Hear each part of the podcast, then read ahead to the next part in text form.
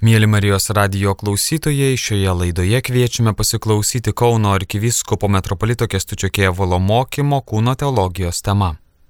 Įrašas iš rekolekcijų. Tema mažai nagrinėta Lietuvoje - kūno teologija, kuri buvo atsakas į tiesą sakant 60-ųjų metų tą seksualinę revoliuciją, kaip bažnyčios pasiūlymas arba kalbėjimas apie tos dalykus, kurie tarsi atrodė pasidarė patys svarbiausi, ne, kaip čia atrodo ta santoka, kaip ta meilė, kaip tie santykiai lytiniai, vienu žodžiu, atrodo, kad tas, kas buvo ilgus amžius aiškus, taiga pabiro su šūkiu išlaisvinkim meilę ir visi visus myli ir tam naudoja dar lytinius santykius ir baigėsi tuo, kad mes turime naują kultūrą, kuri į mus ir šiandien įtakoja. Ir faktiškai, ką popiežius Jonas Paulius II kūno teologijos projektu daro, tai jisai bando atliepti iš, sakytume, tos tikinčio žmogaus situacijos apie santokos prasme, apie lytinių santykių prasme. Juk šitų dalykų kuriejas yra viešpats, tai jo idėja. Tarsi sakytume, tas pasaulis, kuris neturi tikėjimo, vagia idėją ir pristato kaip savo ir maždaug čia mes kieti, nes atradom kažką. Kunigas Saulis kalbėjo apie tą simbiozę altoriaus stalo ir guolio, ne kaip svarbi ta darna tarptų trijų aspektų santokoje. Aš galbūt e, pratęsiu vieną kitą mintį, šiek tiek e, pasiremdamas knyga, kurią nežinau, ar jūs kada matėte, vadinasi Kūno teologija pradedantiesiems. Įvadas į popiežiaus Jono Pauliaus antrojo sukeltą seksualinę revoliuciją. Pakankamai skamba dramatiškai, bet iš tikrųjų buvo revoliucija, kadangi jisai, kai tik išrinko jį popiežium, trečiadienio tose audiencijose jis ima vieną temą, išgazdino kardinolus iki širdies gelmių. Kas čia darosi? Viena tema eina, 129 buvo konferencijos skirtos kūno teologijai. O kūno teologija apibūdinama kaip mokymas apie tai, kaip Dievas apreiškė savo slėpinius per žmogaus kūną. Ir čia suprantama, kad Dievas kalbina žmogų ir suteikia ženklus ne tik tai tame, sakytume, dvasinės sampratų lygmenyje, bet taip pat ir toj kūniškoj tikroviai, kuri taip pat yra kalbėjimo būdas, yra ženklas, dar daugiau tai yra Dievo meilės išraiška kitam žmogui santokoje. Santokoje Dievas myli kitą žmogų per vienas kito atsidavimą visuose tuose ligmenyse ir dvasiniam, ir fiziniam. Juk įdomus dalykas, jeigu santoka nėra panaudota, konsumuota, kaip tie kanonistai sako, reiškia tik ištarta žodis, bet nebuvęs lytinis aktas, santoka negalioja, įsivaizduojat? Reiškia, netinka, neužtenka turi būti ir žodis, ir veiksmas. Tai čia sakramente suprantam, kad abi šios tikrovės labai svarbios ir mes dažnai, kurie pabrėžiame tik tai tą dvasinę tikrovę, esame gundomi vadinamos senos dualistinės erezijos manicheizmo. Ir jinai priskiriama manijui manichėjui, kuris materiją laiko blogio šaltiniu ir todėl pasmerkia kūną, tai reiškia nėra krikščioniška laikysena ir nėra krikščioniška teologija.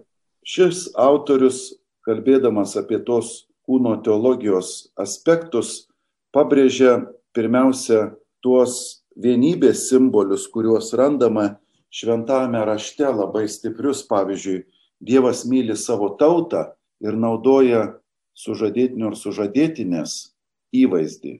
Dievas įsirenka tautą, jai atsiduoda, ją veda. Antras labai stiprus įvaizdis, kurį naudoja šventas apaštalas Paulius, tai Kristus ir bažnyčia. Laiškė Efeziečiam kalba apie tai, kad moteris turi būti paklusni vyrui, o vyras moteriai ir iš karto pereina į įvaizdį, kaip Kristus buvo atsidavęs bažnyčioje iki aukos, iki savęs dovanojimo. Nu ir turbūt teologijoje pats stipriausias vienybės santokinės įvaizdis yra švenčiausioji trejybė. Nu labai mums sunku įsivaizduoti, kas ta švenčiausioji trejybė yra, tai vis dėlto Dievas nepalieka žmogaus visiškoj nežinioj. Šeima santoka yra tas atspindys, tas ženklas, tas pėtsakas dieviškojo trejybiškumo, kuris yra išvelgiamas žiūrint į santoką - vyrą, moterį ir iš jų kylančius vaikus. Kuriejas padovanoja šitą santyki, kad parodytų savo meilę.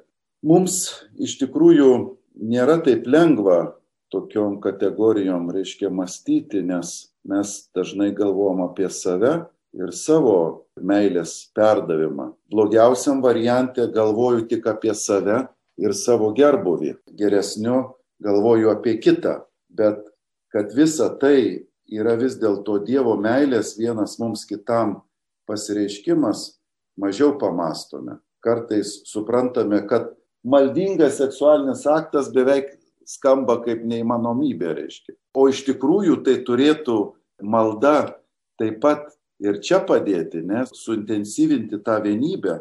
Taigi dažnai turime mūsų mintyse ir veiksmuose atskirti. Čia dvasiniai dalykai, ponai, o čia jau fiziniai. Jau nelyskite į akis, leiskite ramybei, čia jau kitas reikalas. Tos tikrovės atskirtos mumyse. Nors mes gerai žinome, pavyzdžiui, Tobito knygą, ne, kai jie ruošiasi, jie nusiteikia Ne, jiems tai netrukdo, atvirkščiai juos įveda viens į kito vienybę.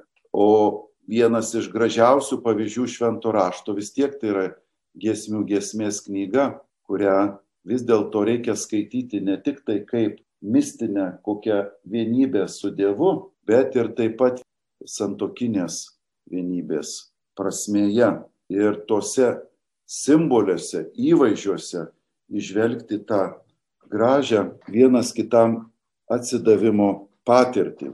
Taigi mes e, tam tikrą prasme irgi turime kovoti savyje su tuo atskirumu tarp kūno ir sielos, tarp altoriaus ir guolio, galbūt net ir stalo ir guolio.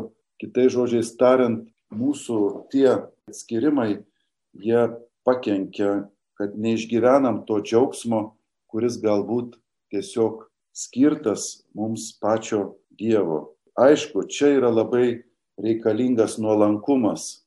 Nuolankumas tai reiškia siklausimasis vienas kito. Pauliaus reiškia laiškas, kad mes turime vieni kitų klausytis ir vieni prie kitų derinti. Kitaip yra geismo dominavimas, kito naudojimas savo tikslam, nusivylimas.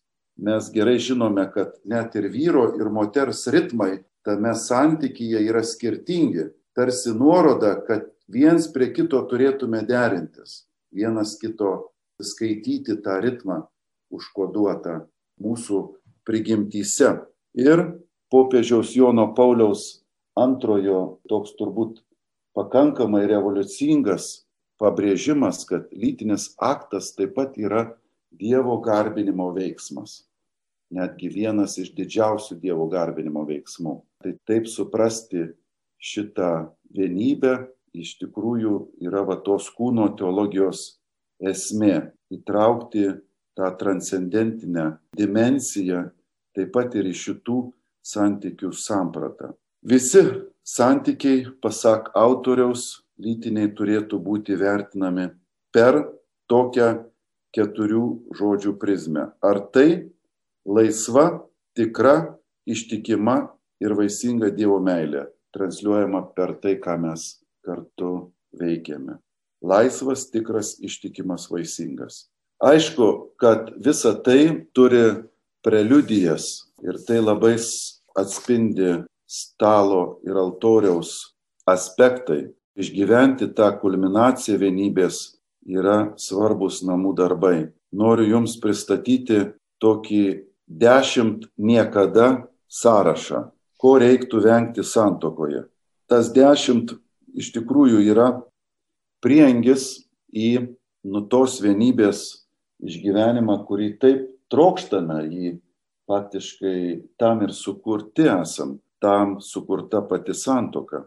Pirmasis Niekada su nieko nekalbėkite blogai apie savo sutoktinį. Išmintinga patarlė sako, jog nešvarius marškinius reikia skalbti namuose. Geriau įsispręsti problemas tarpusavyje, negu kalbėti tai su trečiaisiais asmenėmis.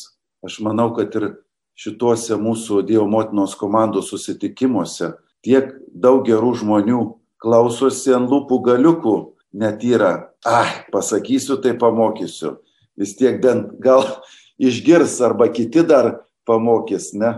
Jo, yra pagunda ir, ir čia aišku ir ne tik tai santokiniam gyvenime, ne?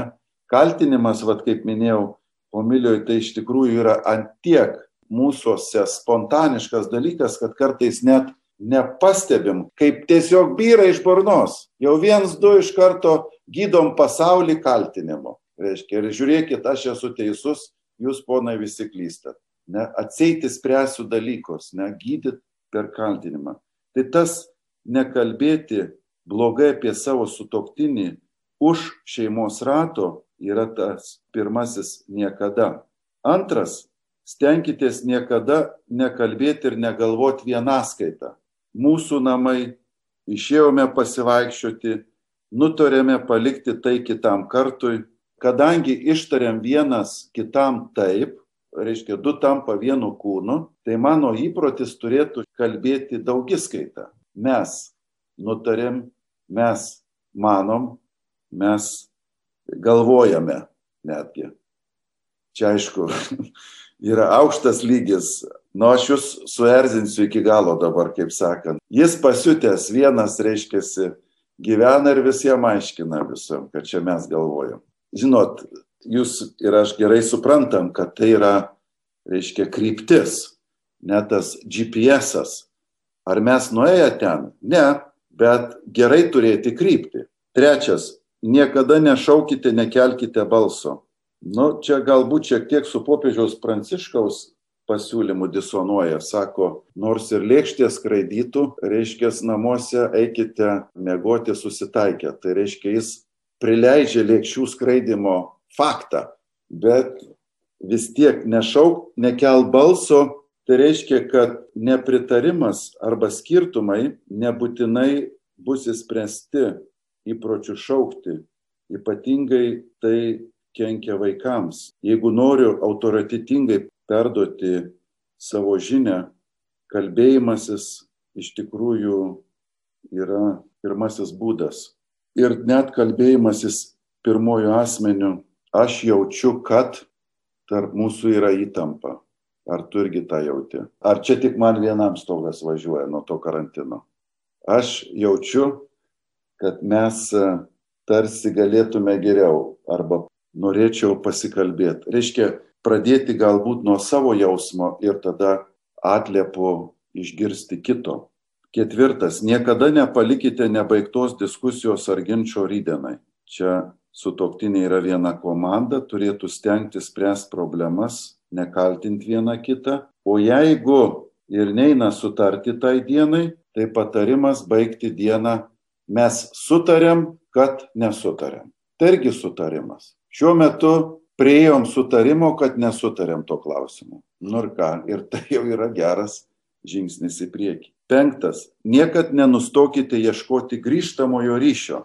Tai reiškia, Kai kuriais atvejais sunkių konfliktų kyla todėl, kad buvo ilgai bandoma užblokuoti mažas problemas, su kuriomis susidurėme kasdien. Kai kas nors nepatinka su toktinio elgesį ar įpročiuose, gestas, žodis, reikia apie tai pasakyti ir kartu ieškoti išeities, jei nepatinka.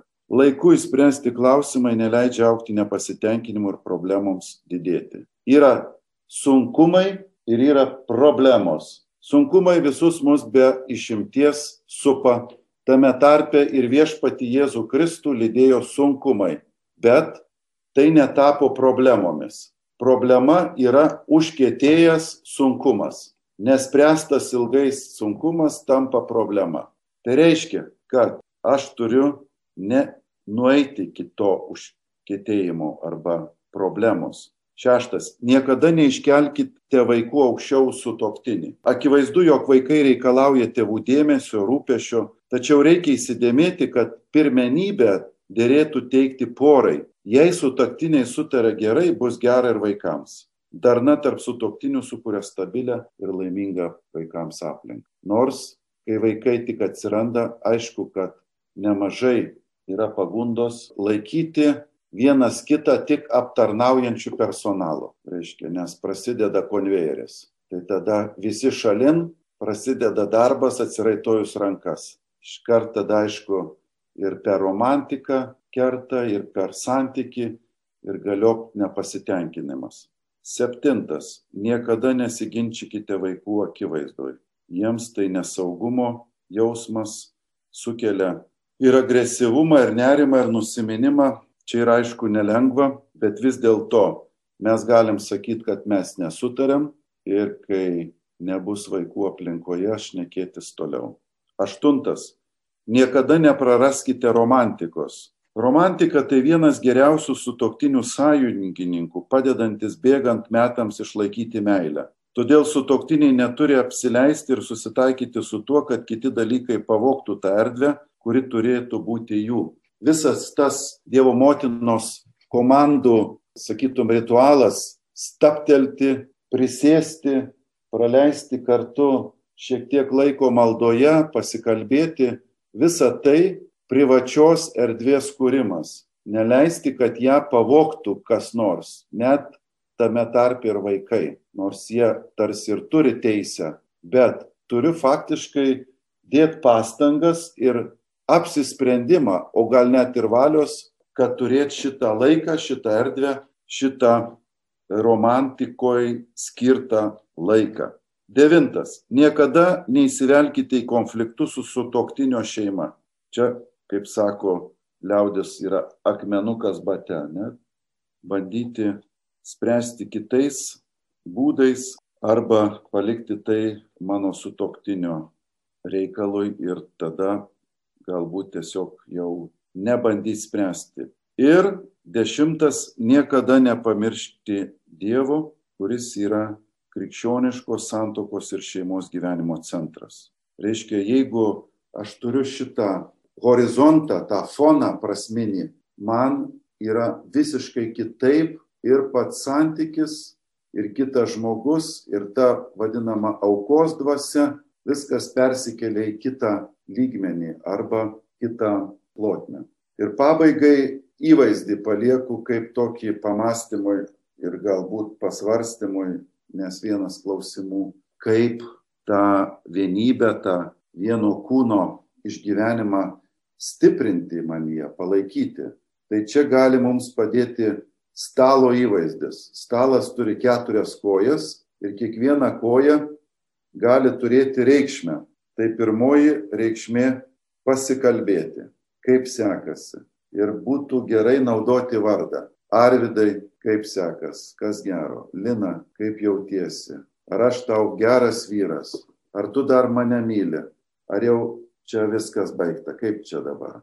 Antras dalykas - atleisti. Ne, mes visi faktiškai beviltiškai turime trūkumų, ne visokių. Neįmanoma būti tobulų žmogum. Ir be šito atleisti neįmanoma eiti į priekį. Dabar jau aš šiek tiek tau atleidau, tai tu bent vieną kartą atleisk. Arba visada koks nors kaltinimas gali iškilti, ne? Bet jeigu Dievas mums gailestingas ir prašom atleidimo, pasigailėk manęs viešpatie, kyrėliai son ir tikimės, kad visada atleis, įsivaizduokit, tikimės visada atleis, besąlygiškai. Nu tai jeigu tikrai santoka yra dieviškosios meilės, man ženklas ir būdas, tai atleidimas tiesiog yra neišvengiamas. Melstis kartu. Kas meldžias kartu, tas išlieka kartu. Angliškai tai nuostabiai rimuojas. who prays together stays together. Malda kaip tas intimumas, kuris ne tik tai dvasinis, bet jis atsiliepia ir fiziniam intimumui, ir tam socialiniam bendrystės artumui. Vienu žodžiu, kas gali melstis kartu, tie pasiekia intimumo aukščiausią laipsnį, net didesnį intimumą negu tik tai fizinis intimumas. Nes fizinis intimumas reiškia viens, du, žmogus gali ir geismo vedamas turėti jį, o čia yra intimumas, kuris sutvarko visus kitus intimumus. Todėl tas vat apsisprendimas maldai kartu, jisai tiesiog liaudiškai tariant apsimoka, nes sutvarko mano intimumo ir santykio reikalus tokiam lygmenį, kurie eina per visą korpusą iki pat gelmių sielos. Nu ir tas paskutinės kojos reikšmė ne tai tarnauti arba padėti vieni kitam. Kai Jėzus nuplovė mokiniams kojas, labai įdomus Jono Evangelijoje sakinys. Jūs būsite laimingi taip darydami. Lietuvių kalboje mes įsivertėm palaiminti, bet iš tikrųjų jūs būsite laimingi taip darydami. Plaut kojas kitam būsiu laimingas. Tai va tas yra, kad tarnaut padėti iš tikrųjų yra, nu tas vienas kitam dieviškos meilės ženklas. Tai va stalas. Kojos, jeigu visos tvirtos, stalas stovi tvirtai. Jeigu taip jau išplėsti stalo įvaizdį, o čia, žinot, plės galim ilgai, šita tema iš tikrųjų Lietuvoje netiek daug plėtota. Ačiū Dievui, pradėjome versti Jono Pauliaus antrojo katechezės, kurios kūno teologijai skirtos. Tai vis labiau ir labiau turėsim progos įsigilinti į tą popiežiaus mintį, kuri iš tikrųjų yra revoliucinga. Mes nei taip galvojam, nei faktiškai kalbam. Dažnai paliekame čia tie dalykai kažkaip ir patys susitvarkys. O vis dėlto svarbu kalbėti, vardinti ir atkreipti dėmesį ir aišku tuo gyventi. Tai ačiū brangieji, kad taip klusniai ir dėmesingai klausėtės. Nežinau, Mindaugas ir Severina gal turi ką pramatę, ar čia klausimus, ar kas čia bus dabar. Tai yra toksai, kada bus išversta kūno teologija, gal žinot. Kada bus, tikrai negaliu pasakyti, žinot, mačiau, kad vertimas eina jau, artumo žurnalė, straipsneliai, reiškia, verčiami, bet dabar supratau, kad tarp vertėjų komandos biški kilo nesutarimų dėl to, kad e, nėra įsivaizduokit žodino sukurto pas mus. Mes, kai neturime sampratų, tai ir žodino dar nėra. Tai dabar dar mūšis vyksta ir dėl žodžių, kaip išversti vieną ar kitą sampratą, nes irgi angliškai reiškia skaitau irgi gražiai skamba, žinai. Sexual intercourse as an ultimate act of worship. Tai dabar ant kiekvieno žodžio čia faktiškai reikia paprakaituoti. Tas ultimate act of worship. Tai nežinau, ką mes čia su tuo darysim, kaip mes eisim, tikiuosi, įsiversim po truputį, bet kas galit skaityti kitom kalbom, tai labai rekomenduoju. Labai tikrai atgaivinantis tekstas. Nuduoda tikrai tokio nuotaikos tokios. O, wow. Tas Kristofer Vest irgi sako, moters viena reakcija, kuris pasakoja, ne, reiškia vyro ir moters ritmų suderinimą, kad patirti tą, reiškia, seksualinio akto džiaugsmą. Nu tai jinai išgirdusi sako, nu tas popiežius ir kietas, sakyt savo. Reiškia, ne šiaip suprantama, kad nieko nesupranta, nieko negalės pasakyti bet kad eina toks ir tos nuolankumo ir vienas kitam pagarbos ir dieviškos meilės aspektas visame tame, tai tikrai yra aukštos natos. Tai va, tai nežinau, sakėt, klausimas yra, tai dabar. Dieve. Gal galima tie dešimt punktų apie niekada.